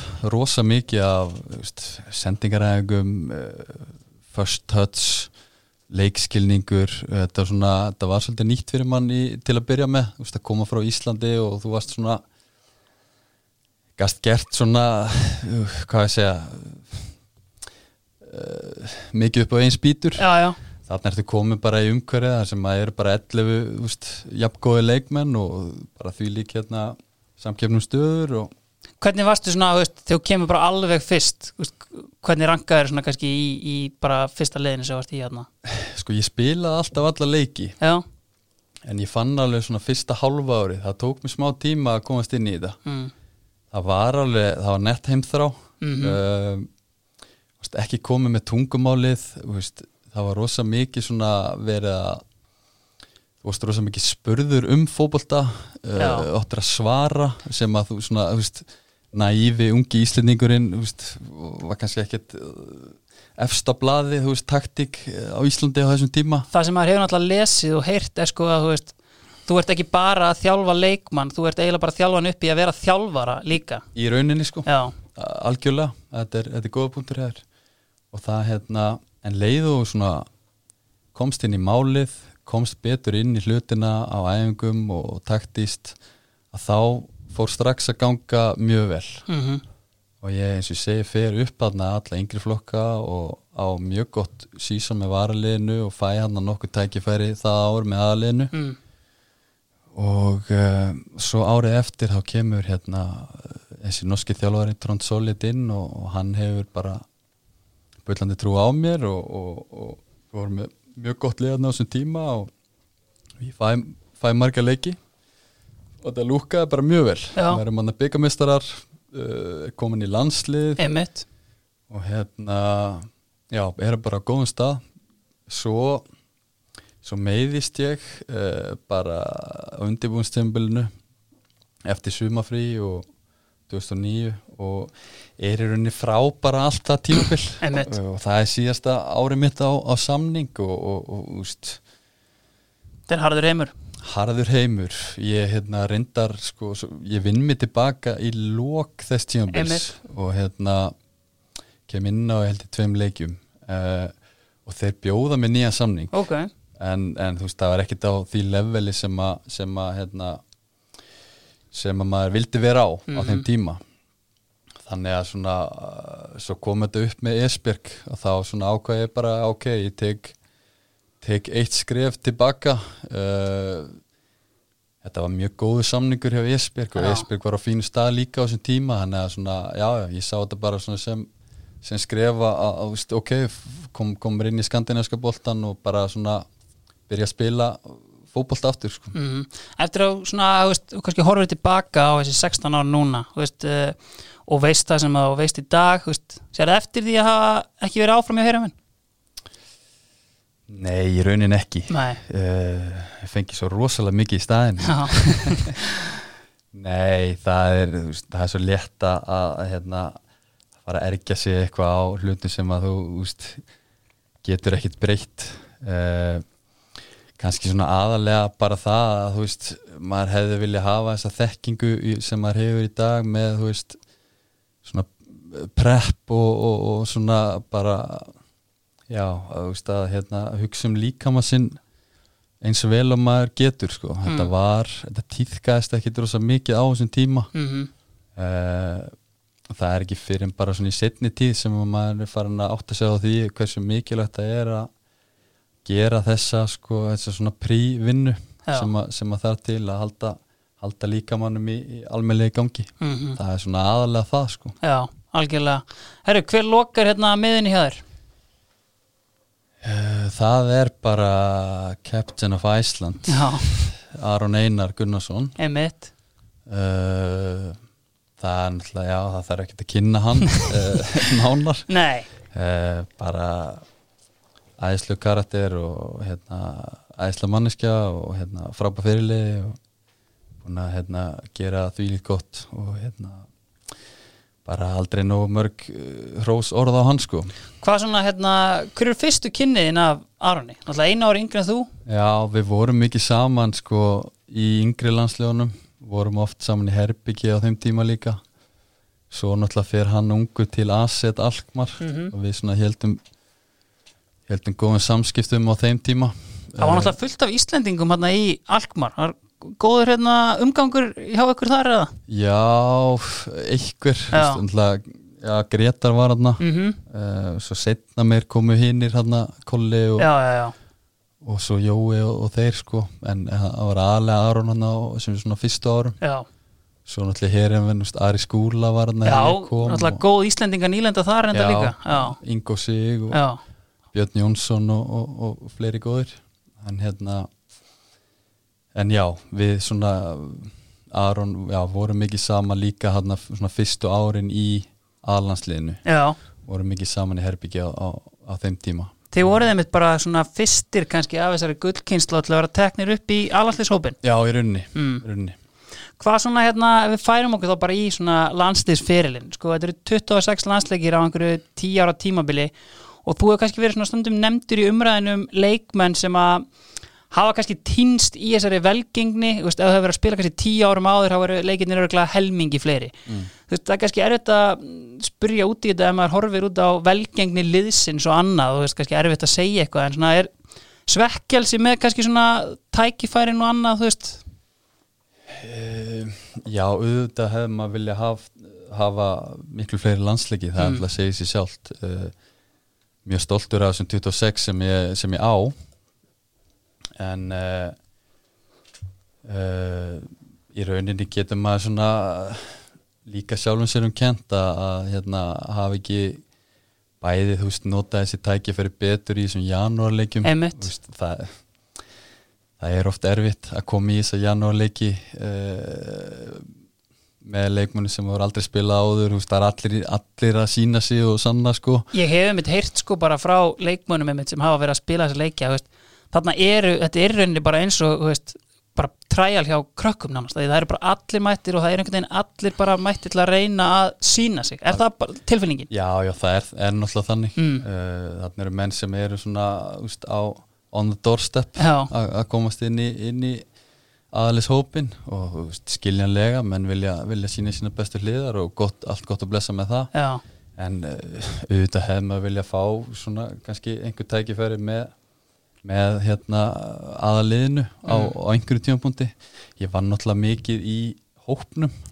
Uh, náttúrulega marga svona hópsleiki kallað og sérstaklega á þessum lagabekk eh, tíma. Mm uh, við áttum, áttum ágætis ágætis hérna uh, samstarf. Mhm. uh, en þótt að þú veist, já, þótt að ég hafa ekki mikið verið, verið að koma inn á þess að en það var líka bara gengið gott og, Lítið skiptu þetta Já, já, lítið skipt og bara gekk vel og, og veist, menn voru bara sáttir að, hérna, vera hluti af, af hóp sem að, uh, gerði það vel. Já, það er einmitt sko hérna kom hérna eh, leiðilegt mál kannski þegar þú, hérna, þú og Gulli farið í, í viðtal við hérna, sænst blað og hérna og frændiðin Pétur Pétur stók ekkert allt og vel hérna í þetta veist, hvernig hérna veist, hvernig bara var veist, þetta viðtal, veist, var þetta hérna algjör strófa eða veist, hvernig var þetta? Ég ekki að þetta verið gamli góðu miskilningur. að Pétur frændiðin reyður út í, hrýndi hann eitthvað í þig eða? Nei, ég heyrði í honum bara Já. eftir þetta og hérna, veist, svo að það mál bara setla sko, mjög, mjög bróðulega. uh, þetta, var al, þetta var bara, já, þetta var algjörlega, hérna, tekið úr og bara. En auðvitað, þú veist, uh, sko Óli og Pétur nei, já, Óli, Já, Óli og Pétur, já. þeir hérna þeir gerðu, gerðu náttúrulega margt mjög vel með eh, bæði með þessi hérna kynnslóðskipti sem að hefur oft verið talað um Mm. og þeir eru náttúrulega að fá mikið kredd fyrir það Algjörlega en, en auðvitað með, með komu, komu Lars inn í þetta þá svona Liftist allur standard bara Já, mann fann svona eins og, eins og trúin uh, var svona meiri á, á, á hvert verkefni fyrir Mhm. sig og hérna andla komu mar mjög margir ungir góði leikmenn upp með, með hérna með því líka metnað og hérna og, og þetta bara svona allt small saman í raunni sem að kannski svona hafði ekki gert uh, árin fyrir það Ég hef mitt svona verið að spyrja kannski úti að því að þú spilaði þína fyrstu landsleiki þarna 2008 svona á þessum tíma uh, landsleiki er þetta ennþá í djúpum dal og, og un, ekki margir á unguleikmunum komnir inn og veist, ef við tökum kannski eði smára út úr þessu dæmi var einhver svona leikmaður í, í þessum landsleikshópi sem þú bara hugsaðir djöðl er þetta proper leikmaður var einhver svona sem að stræka þið fyrstu, á fyrstu landsleiksaðingunum þarna? Já, það var alveg nokkri sko, þetta voru náttúrulega því líki karakter að margir Já. á þessum tíma, veist, Hemmi Reyðars uh, uh, Heiðar Helgu Mm. þú veist uh, fleiri, fleiri góðir veist, þeirna, það var ofta á svona fyrstu æfingum að boltin var kannski hínum en á vellinum og svo allt ah, allt í hennu fyrstu, olbóa í magan frá hemma þú veist, eitthvað svona, eitthvað hálstak Mm. eitthvað þannig sko, sem bara bara allt gott að blessa sko, skemmtilegt. Já, en hvernig var svona bara lundin í hópnum, þú veist, þó að sé að ganga þetta er svona, svona verstu árin með landsliðinu þarna, þú veist, þó að einmitt, þú veist tókum þetta bara á kassan fyrir það sem koma skildi og, og, hérna, og annað, en veist, var alltaf góð stemming í hópnum? Já, já, það var alltaf, alltaf mjög góð stemning í hópnum sko, það vantaði ekkert en svona miða við, það var alltaf margir leikmenn að spila á mjög háu leveli á þessum tíma, Brynja Björn og, og, og, og Ívar Ing- já, Ívar Ingjum var endur ekki hann Nei. tíma, uh, og fleiri. Já. Eh, já, það er það er svolítið súrt að, að hérna, gengi það ekki verið betra með við, með við mannskap sko. Mm En þetta er kannski svona hápunkturinn kannski í landsliðinu er væntalega undir 21 ás kannski lokamótið og, og, og svoleiðis, úst, bara góða minningar frá þeim tíma eða? Já, algjörlega, Mm. það var náttúrulega rosa gaman að taka þátt í því Mm og uh, fyrsta skipti hérna og, og, og lokamóti með 21 árs og þetta var svona já svona uh, fekk svona kynnast í svona í fyrsta skipti að hérna veist, fjölmiðlar á Íslandi gerðu mikið úr þessu og þú veist öll blöð og, og, og þetta það var svona svolítið húlum hæ í Já. kringum þetta og hérna mikið fjölskyldu stemningar út í Danmörku. -hmm. og hérna vorum hásbreytt frá því að komast upp úr eilinum uh, vantaði eitt mark á móti dönum Já, sem vinnum hann að held ég þrjú eitt í síðasta Já. leik vantaði eitt mark upp á það. Hjörtur Logi með alvöru banger hann í lokin. sætla minninga en hérna við svona getum kannski sjálfum okkur kent uh, í fyrsta leik kannski á móti kvítrúsum uh, það var 0-0 lengi vel svo missum við mann úta með raut spjald og, og hérna töpum þeim leik 2-0 einmitt. Við hefum mótt vinna þann leik. Já, það er alveg hár rétt og uh, maður sem við gröitt spjaldu þetta Aron Einar, uh, miðjumæðurinn í draumaliði Arnórs en þrátt fyrir það þá náði hann að rífa sig í gang og hann er uh, líkilmaðurinn í búið Dominos í þessu lið Dominos eru auðvitað með útibú í Doha og uh, Aron nær elvist kannski ekki að nýta sér tilbúðin en, en þriðutast tilbúðin skils mér þessi global og hann getur tjekkað á því. Herðu, uh, kannski annar miðjumæður og svona hérna skrefi á eftir þér í Heroen er, Heroen, er fellow agurnesingur Björn Jónsson þú veist, þetta er svona gaur sem að maður veist, ég man aðalega eftir honum kannski þegar við erum svona sjö ára og þetta var þetta bara með því ótrúlegasta sem maður hafi séð og maður var náttúrulega starstruck þegar maður stóði í kringum hann. Veist, hvernig var hann svona reytaður veist, að því maður heyrt bara svona ótrúlega sög hvernig var reytið á honum hann í, í Heroen sko reytið á honum var náttúrulega mjög gott Já. af því að hann svona hann var svo yfirvegar á vellinum og þetta, hann let allt lúka svo einfalt þótt að væri mjög erfitt. Já. hann var svona þannig leikmaður sko, hann let lítið fyrir sér fara utan vallar uh, og að mér fannst lítið, freka lítið fyrir sér fara inn á vellinu líka þrátt fyrir öll þessi gæði Já. sem hann hafði. Mm það var svona kannski vantaði aðeins meira svona púður í hann Já, ef ég á að segja sem svo. Já, en uh, hann var reytaður mjög háttatna og hann náttúrulega bara já já, þú veist, þeir voru alveg með, með góð plön fyrir hann um að hérna, taka næsta skref og hann var byrjaður að spila einhverju leiki hann með aðalinu á þessu undirbúinstímabili sem, að- sem að ég meðist uh, þá mjög ungur árum og hérna en svo hérna byrjaði svona þessi svona hvað maður að segja, sorgarsaga Einmitt. svolítið uh, leiðilegt hans vegna því að hann getað náð svo ótrúlega langt sko en það er hægt að segja það um marga en veist, að klálega í þessu tilfelli. Já, algjörlega. Annar miðjumæður, að kannski kantmaður að tíja sem að fór frá herumvenn til munn hér, uh, Daniel Pranjic, alveg talent þar. já heldur betur. Já, hann var ógeðslega góður. Hann hérna vinstri fótar var náttúrulega bara fasta maður í króatíska landsliðinu sem var mjög gott er einmitt líka sko, hann var náttúrulega hérna, hættur í landsliðinu þegar hann er bara kallaður aftur inn til að afgreða okkur Íslendinga hérna í umspilinu fyrir Brasilíu sko. jú, jú, Já. alla minninga. En hann var svona, já, hann var svona aðalstjarnan hann í á þessum tíma sem að ég er að koma upp í aðlið var orðin fyrir liði og tíunni og- í tíunni og svona, já, almennt bara maðurinn hvernig svona, veist, erfiðu gæi? Króatan náttúrulega kannski ekkert þetta með besta orðspóri á sér eða fitgur? nei, nei, hann var bara mjög fítgur Já. það var ekkit, ekkit vesen á honum þannig sko. Nei, en hérna jú, jú, þú veist, hann náttúrulega viss alveg að hann væri, væri stjarnan hann og þú veist, já, já, hann var alltaf fyrsti maðurinn á, á nuttbekkinn og alltaf fyrstur í rauninni þar sko. Hérna, en uh, hann líka delivera inn á vellinum og sem gaf honum mú frá hér ef en beint til bæði munjan já, algjörlega og satt á bekknum hérna í tapinu 2010 í ústættileik mestaradildarinnar, ekki margi sem hann ná því. Sko uh, ef við förum bara út í lengjan þeir hafa verið að spyrja svona út í eftirminnilegustu leikina frá ferlinum, er einhverju sem að poppa strax upp í hugan þar? Já, það eru náttúrulega þessi byggar, byggarúsleikir Já. sem að eru mjög hátt skrifaðir.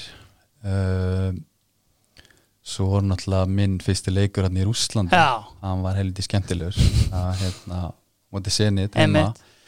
Sko Hölk skoraður aukaspundum bara í fyriráleik og svo var hann bara púaður og uh, það heyrðist bara úst, apa hljóð og, og öll vittlisann og stúkunni sko, Já. allan leikinn á hann. Uh, Torpet og stunismenni fengu bara fengu þrá þrá leiki sko í kælingu. Já, kælingu, góða kælingu eftir það. Og svo sko hérna, fjórðarleikin sem máttu vera aftur þá börjast út þvílík slagsmál bara menna að kasta einhverjum eldstólum í, hérna, hérna svona, þannig að þeir fengu fjóruleiki viðbót. Þannig að það var ekkert mikið af hérna, okkar stunismennum á leikjum á þessu tímabili. En hérna það var rosa gaman að eh, koma inn á í sinni fyrsta leik í Rúslandi hérna og, og ná að jafna með helviti flottu marki Já, bara í, í lokin Mhm. og hérna, það situr alveg uh, situr eftir í, í, í mjög hátt í minningunni sko. Hvernig er með til dæmis að því að herimvenn er eitthvað í Európikeppni til dæmis þegar þú ert þar, náður að spila einhverja leiki í, í því eða? Já, a, um, við vorum sko, ná, fórum í riðla keppnina uh, vorum með sko Braga, Portsmouth, Wolfsburg og svo AC Milan Einmitt, ég, ég kom inn á í sko öllum leikjónum nema á móti Milan já, uh, þetta var alltaf bara einföld umferð. Já, þetta er einföld umferð. Já, já, Þannig að bara spila, þú veist, eitt leikur Mhm. úti, skilur já, uh, Það var rosa gaman. Mm. Það var því líka upplifun hérna. ég meina Milan er sko bara Shevchenko, Ronaldinho, Kaka alvöru lið og Það var Peipo bara, frammi. Já, alla konuna voru bara mættar sko, Maldini og Ronaldinho hann líka Já. og þeir voru svakalegir sko, Mhm. döpum þrjú eitt af með minnir. Títnefndur Pranjic skoraði með Panenka vítaspilna hann bara svona aðeins til að minna á sig. En hérna já, það var náttúrulega rosalega uh, skemmtilegt ævendýri að taka það til því. Einmitt. Ef færum okkur bara aðeins út í einmitt hérna, Torpedo Moskvu tíman svona Já, það sem maður hérna, það sem maður hugsa sér svona með leikmenn sem fara til Rúsland er að hérna, veist, sækja góðan siðil og bara hérna, alvöru dæmi og náttúrulega alvöru level náttúrulega líka á, á dildin en, veist, en kannski fljótt eftir hún mætir eitthvað peningavandræði og launagreislu vesen og, verkföll og annað, veist, hvernig lítur þetta tilbaka á annan tíma? sko ég líti baka á hana tíma sko mjög vel. Já, bara svona, veist, ég, ég vissi að ég væri að fara að vera þannig bara fjórum mánuði, þannig að ég ætla bara svona að reyna að mæta þarna og upplifa eins mikið og ég gatt já, á þessum stutta tíma. Þú veist, bæði bara hérna culturelega séð og líka veist, fótalega séð. Já, og hérna Jú, jú, það voru bara, það voru peningvandri bara svona eins og gengur og gerist í þessum löndum sko. Þú veist, ég hérna til dæmis bara fekk ekkert launum í borgu fyrir bara, veist, tveim árum setna eitthvað eftir að ég var að fara með hann, þannig að ég ég tók bara flugið með, með skjálatöskuna tveim árum síðar mætti hana og náði, náði restina það var heldur flott verð um, En varstu þá bara búin að vera í stöðum díalóg við liðið eða, þú veist, hérna, ringdi þið bara, herri, smáradóna, þetta er klárt hérna? já, þetta var í rauninni þannig sko. tveim árum síðar Já.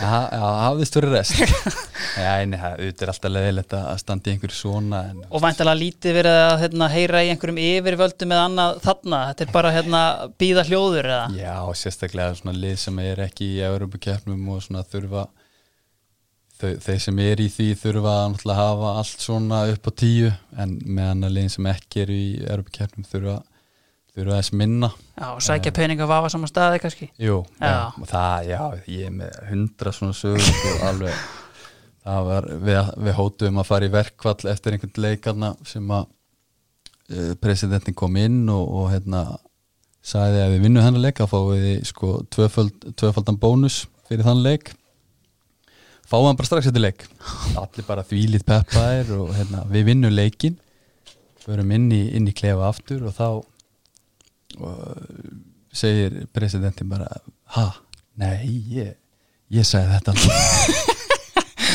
þetta var mikið svona svona kjaftaði, þannig að mm. æfinguna eftir þá, þá hótuðu við leikmenn bara að við myndum ekkert fara út að æfa nema við myndum fá fá borgað hennar bónus. Já, Þannig að, og þá fór bara presidentin út í bíl og tók bara eh, póka með sér tilbaka og hérna bara dreifði því svona vitt og breyttum búniskleðan sko. Þetta var svona, já, mikið af svona skemmtilegu momentum sem er svona ógislega gaman að rifja upp. já, annar hérna góðu leikmaður sem spilaði með þarna í uh, Torpid og Dinjar Biljaletínov, uh, Everton legendið, sko, mm. svona, kannski erfiðu tími hjá Everton en nokkur glæsileg mörk, uh, góðu leikmaður Já, hann var mjög góð leikmaður sko, en hann var svona komin á hvað ég segja, hann var svona Þetta var að fjara út hjá honum, Já, já. sem ég hættur að nenni þessu hæfuleikarnir voru þarna en hann nefndi ekkit að leggja á sig.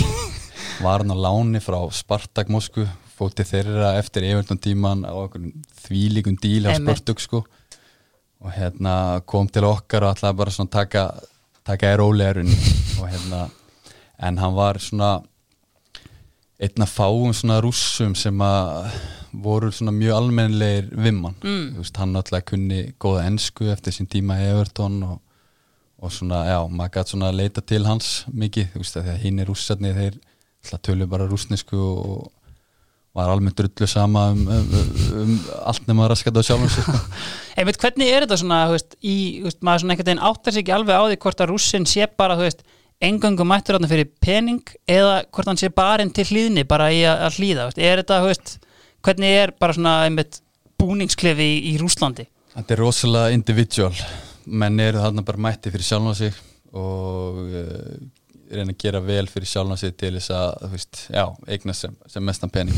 Þetta er í rauninni bara svona mentaliteti sem er þarna einhverjir, þú veist uh, leggja actually miklu meira á sig eða vita að eru að fá eitthvað x meira borga Já. fyrir þann leik veist, þetta er alveg þannig mentalitet sko en það var rosalega gaman að kynnast þessum kultúr líka mm. maður náttúrulega var að koma úr mjög svona, að segja veist, verndu umhverfi bæði í Hollandi og í Skandinavíu sem að veist flesti bara, þú veist, ágætis vinnir í búniskleganum og þú veist, þú veist alltaf borga á tíma og ekkert svona vesen þarna lærið þeir svolítið að þú veist, standa upp fyrir sjálfvæði og hérna já, actually don't give a fuck stundum. Eins og allir aðrir voru að gera sko. Það var svona fínt að hérna, bæta því við sinn eigin leik. Já, algjörlega.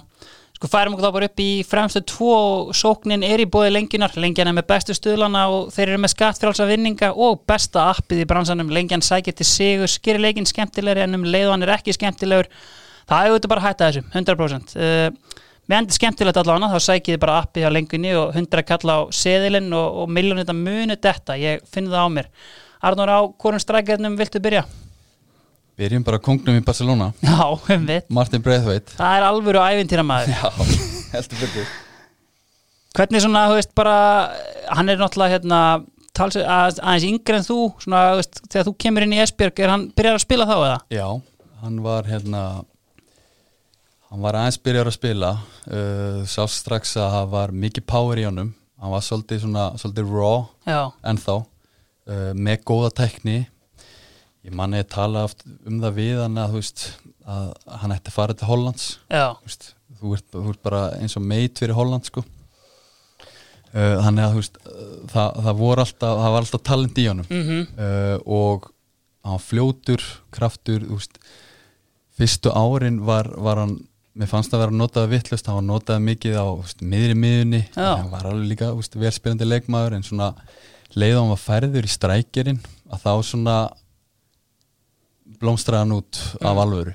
Þetta er einmitt svona, veist að- maður náttúrulega bara, veist, líka bara circumstances þegar hann fer til Barcelona sem er náttúrulega allt kolruglað og, og skrítið og, veist, maður svona velti fyrir sig bara, hvað er Barcelona að gera þetta með mann sem gæti ekki skora fyrir millesporo en þú veist, núna, ég meina hann er bara að delivera og veist, að þú veist, bara með geggja leikmenn í kringu sig og veist, kannski fleiri dæmi um bara menn sem að, þyrtu í rauninni bara breykið en fá það ekki að þeir eru bara að heita Martin Breithveit, skilur við algjörlega. Já. það er náttúrulega, segir sér sjálft að þú þarft að geta eitthvað til þess að actually spila uh, og vera byrjunlismæður í Barcelona sko, og hann, hann er actually að gera. Mm og hérna, það var ekki marg sem að, sem að trúðu því. Nei, en hann er svona, hann hefur óbyrlandi trúa sjálfum sér á góðan hátt. Já, og hérna veit að hann vinnur í mörgum hlutum svona bæði andlegum og, og líkanlegum svona meira enn hinn almenni fótboltamaður.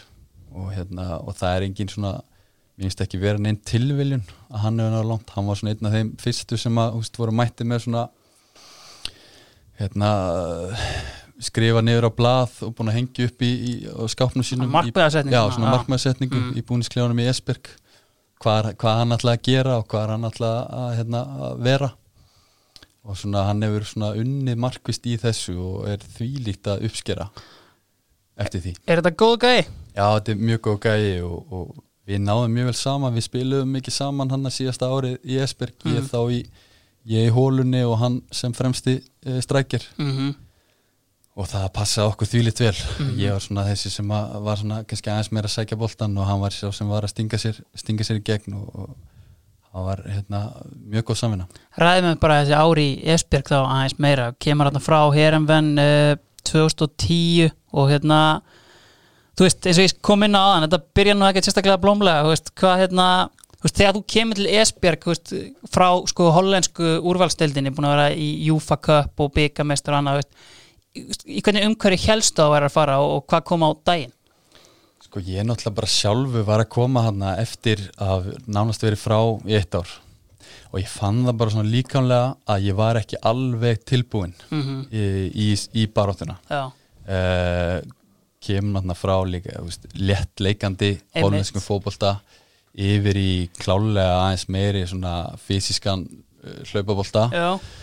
Um, Kári Átnason sagði mér að sko danska deildin væri leiðilegast að deild í heimi. Hvernig var svona, þú veist, þú finn, fannstu, finnur mikið mun á með þessum danska, norska og sænska sem Íslandingar setja alltaf bara í sama hattin Já, mér finnst sko ef þú tekur stuðnismannalega séð og uh, allt svona í kringum þetta þá er náttúrulega þá er sænski boltin á allt öðrum standard heldur en, heldur en hina tvær deildina sko, Já, alveg klálega mm meðan að sko áhörndatölur er að fara upp í Svíþjóð þá er, er að dala bæði í Nóri og, og Danmarku mm en um, þú veist, þetta eru þetta voru fullt að góðum fótboltamönnum hann í Esberg já, margir sem hafa ná langt.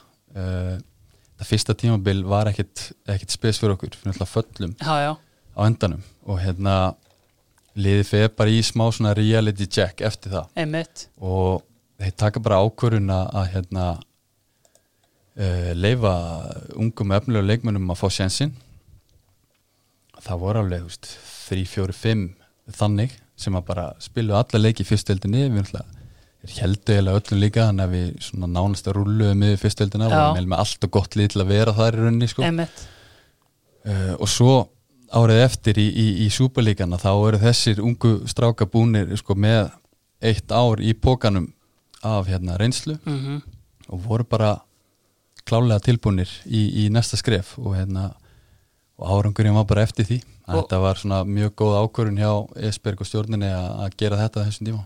Er ekki Úfi Peðurinn að þjálfa þarna þegar þú ert í Esbjörg? fyrsta hálfa árið, já, hann fekk, svo stífali Hvað hérna Kári Átna, svo við tölum aftur um hann hann talaði ekkert sérstaklega vel um, um þann mikla mestara, hvernig ná þín reynsla af honum? Nei. Ég ætla bara að vera að sammála kára hans Já, hann er, hann er mjög sérstakur. Og hérna Já, ég viðkynna, það var svolítið svolítið sjokk að Hafði hann fara- verið gaurinn sem svona fengið til að koma? Já, Já, já, algjörlega það var, það var stórt stökk að fara frá uh, flottum fótbolta í Herjuvin og í Uwe Pedersen fótbolta í Danmarku ég, ég viðkynna það alveg sko. Það tók alveg smá tíma en svo, svo var hann reikin hann að fljótlega bara eftir jól þá kom inn gæði sem heitir Jes Torup mm. sem að er uh, er hann ekki bara orðinn landslistjálfar í dag? Gott ef ekki. Jú, Já. Sko, uh, áður við förum í mannin sem lokar liðinu, Dominos er auðvitað með sitt fræga tríó tilbóð, hægt að velja eina af þremur geggjuðu matsels pítsum á einhvern 800 kall sem er auðvitað gjöf. Og Dominos hendi í mig svona tríó af leikmennu sem þið vildu ræða betur við þig. Uh, byrjum bara á, sko, í herumvenn, nær kannski ekki alveg að spila með honum, ég áttum ekki að, en sko, Afonso Alves, Já. hann var hérna bara heitasti sóknumæður Evrópu þarna á þessum tíma, veist, þetta er bara ridiculous að horfa á hann. þetta er bara alveg fára það er útrúlegur sko það tala um þetta sjálfströðst þarna fyrir í þessum þætti Mm. og þú veist hann bókstallega hafði allt á þessum tíma uh, bæði náttúrulega hólenska deildin frekar opin fyrir svona manni svo hann sem er hérna fljótur uh, þvíleika sprengikraft uh, frábær skot Mhm. bæði, bæði í opnuleik og, og aukaspinnur og hérna það gekk allt upp fyrir Já. hann á þessu tíma Mm. og hann sko já, hann var ógeðslega góður og hérna, við náðum að spila reynda svo nokkra varalisleiki hérna, hann, hann vildi fara og það var eitthvað vesen í kringu það og veist, hann fór, fór í frí til Brasili og kom ekki aftur fyrir þarna, síðast og menn gera sko. og hérna var settur nýja varalið og spila nokkra leiki þar og, og hérna svo fekk hann, fekk hann sjensin hérna í einhverju leik og þá sett hann bara sjö í grilla og hefði hann steinalda kjátti sko.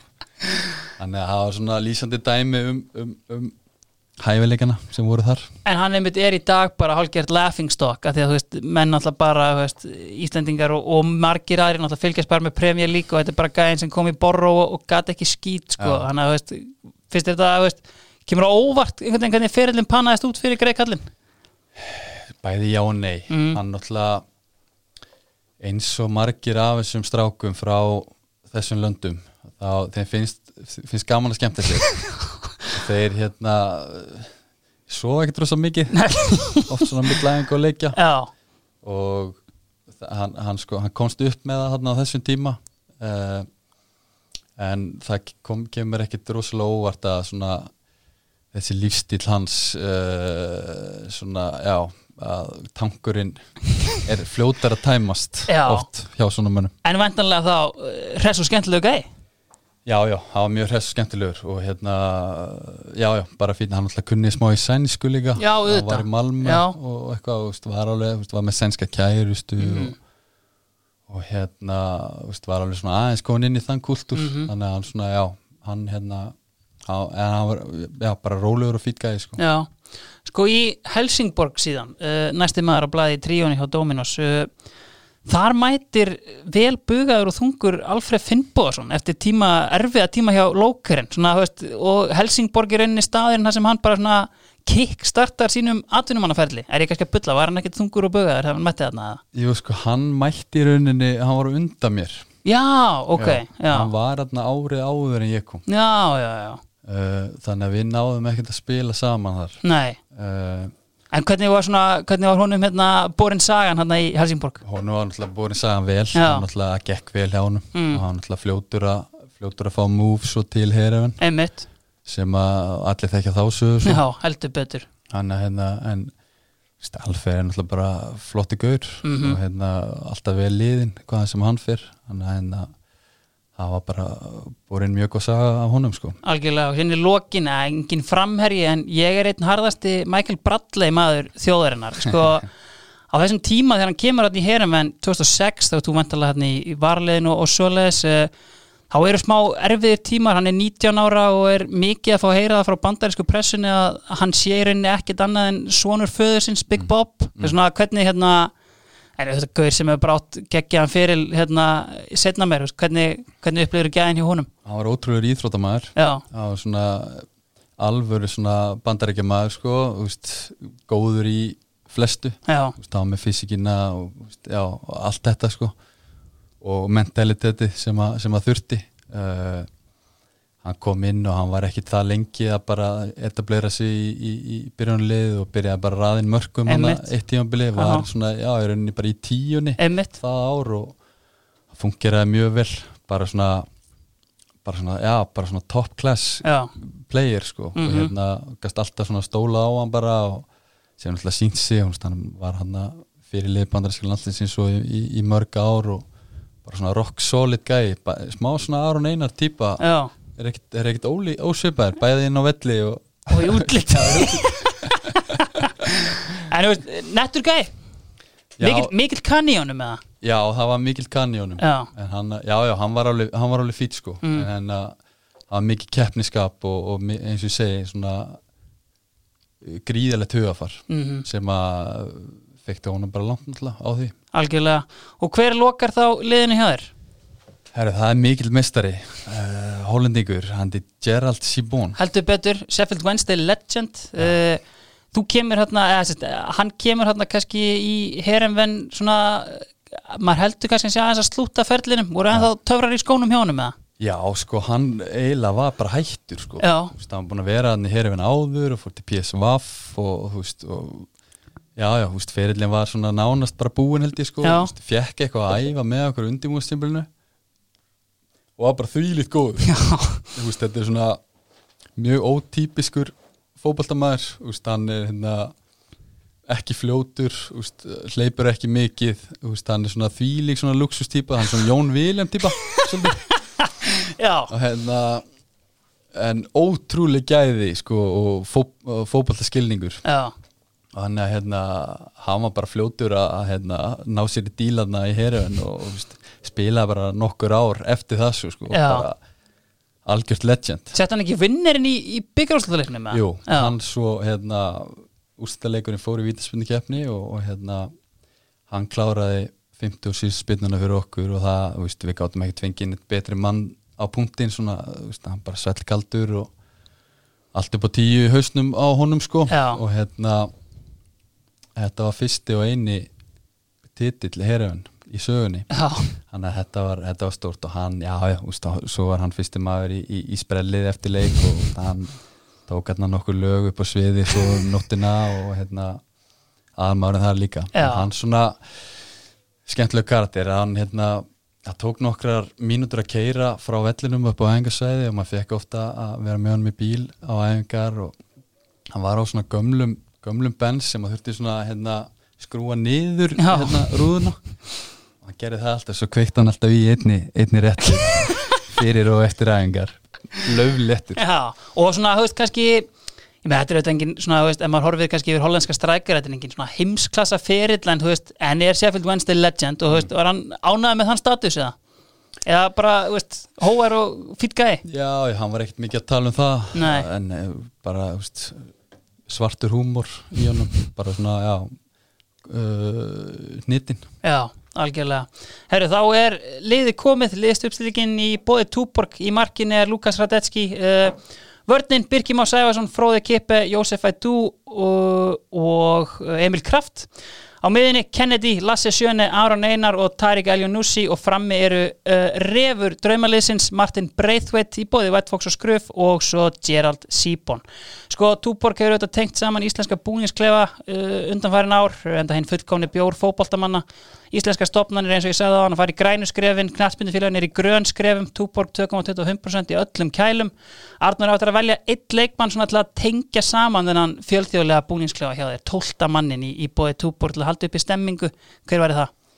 sko, hann er alltaf margir búin að nefna Óla Inga skóla Einmitt? sem er eh, algjör topp maður sko Já, fekk að kynast hann aðeins betur hann í, í Danmarku, hann var alltaf í Sönni því líkur, fylgur karakter og, og toppmaður um, en fyrst að margir eru búin að velja hann þá ætla ég að taka svona eitt sem að kannski ekki margir þekkja en ef að menn vilja fara á Instagrami og skoða hvaða grillaði gæði það er þá á meðan að gera það, hann heitir Mats Súlheim. Norsku gæði sem að spilaði með okkur Birki og Ömma í, í, í Hammarby og hérna bara geggju týpa hann var ekkert að taka fótbollan allt og alvarlega alltaf sko og hérna var oft bara svona að hugsa einhver svona Instagram-vídeó fyrir aðingar og meðan aðingar stóð og svo óttum hann bara að klára með kameru og taka upp og henda á grammi og hann er hann bara já, ágætis hérna, Instagram stjarnar sko. Ég hef um eitt sko, ég fór í þessa Instagram heimildavinnu þegar ég fekk Birki Má hérna í þáttinn og hérna, þetta, ég mæli með því að allir gera þetta. Og Birki Má er einmitt sagði sko, þessi gaur sko, hérna þú veist, þeir voru svona sem ég að berjast um stöðu en það var svona engin ánaðari með hann heldur en Mats Úlheim það skipti engu máli sko. Nei. Herri, uh, hver myndi þjálfa þetta lið? Sko um, Ég ætla að segja sko við hengi náttúrulega endum þetta á mjög góðum nótum. Mm og hann er alveg já, hann er hátt uppi. Já, en ég ætla að gefa hérna Trond Solid uh, normanninum þetta. Mhm. hann svona já, taktist var með allt upp á tíu og sá svona sem gaf mér svona alvöru sjensin uh, á toppleveli á sínu tíma og, og veist, það var bara gott áraðna unni byggarinn og, og þannig. Veist, hann var svona hvert sem að fór, hann vann titla já, á sínum, sínu ferli. Mm það var í veist, Belgíu eða Olympiakos eða Rosenborg eða, eða hvar það var, eða Mhm. Heröfn já. En hann var hérna hann var blöytur orðan það bara hann Já. tjónum hreina. Já, Og það er hérna- nöðsynlegt já, og hann það var svona mann eins og í þessum Evrópu, Evrópu leikjum stundum að þá þegar vorum að ferðast og, og tjekka okkur inn á hótel að fyrst sem hann gerði það var bara að hlaupa á barinn og panta sér tvo. Svo þambaði hann einn og svo tók hann setni bara róla. Þú veist, hann var svolítið í þessu sko. Já, en hérna en hann var svona þjálfari með sjálfstrust og trúða sjálfum sig og úst, stundum vissi hann bara hann vissi bara að hann var að fara í einhverja stóra leiki að hann myndi vinna já. og það var bara svona skein í gegn. Algjörlega. Og bara svona kannski rétt í lokin ég veist, þetta er náttúrulega veist, eins og við höfum komið inn á frábær ferill veist, er einhver eftir sjá veist, er eitthvað move sem hugsa tilbaka? Ég hátt að pússa á þetta eða vera þólimóðari eða whatever. Nei, ég raunin ekki. Mm. ég raunin ekki, ég er bara mjög sáttur, ég fekk að kynnast uh, mörgum kúlturum læra ólík tungumál og uh, er bara almennt, almennt mjög sáttur við, við, við ferilinn og hérna en hann er ekki búinn nei, heldur betur ekki Nú tekur bara nýtt skrif við Mhm. hér á Íslandi með val uh, bara mjög peppaður fyrir því Það búin að vera eins frá uh, í Lilleström núna síðasta ári þannig að ég er hvernig er einmitt bara standið aður í dag? það er bara fínt Mm. ég hérna, er búin að ræfa með aða með liðinu og uh, standið fysikal standið geta náttúrulega verið betra að er, hérna, en það er nógu tími við náttúrulega fáum ekki leikjamilt fyrir bara einhvern mitt 20. februar Já. þannig að það er um að gera bara að nýta þann tíma vel og, og koma svo bara ferskur inn í, inn í nýtt sísón sko. það ætla ég heldur betur að vona Herðu, Arnór, ég held að við séum bara tæmtir, ég ætla að þakka það kella fyrir komuna í draumalið Takk fyrir kjalla Þú varst að lesta draumalið í bóði lengjunar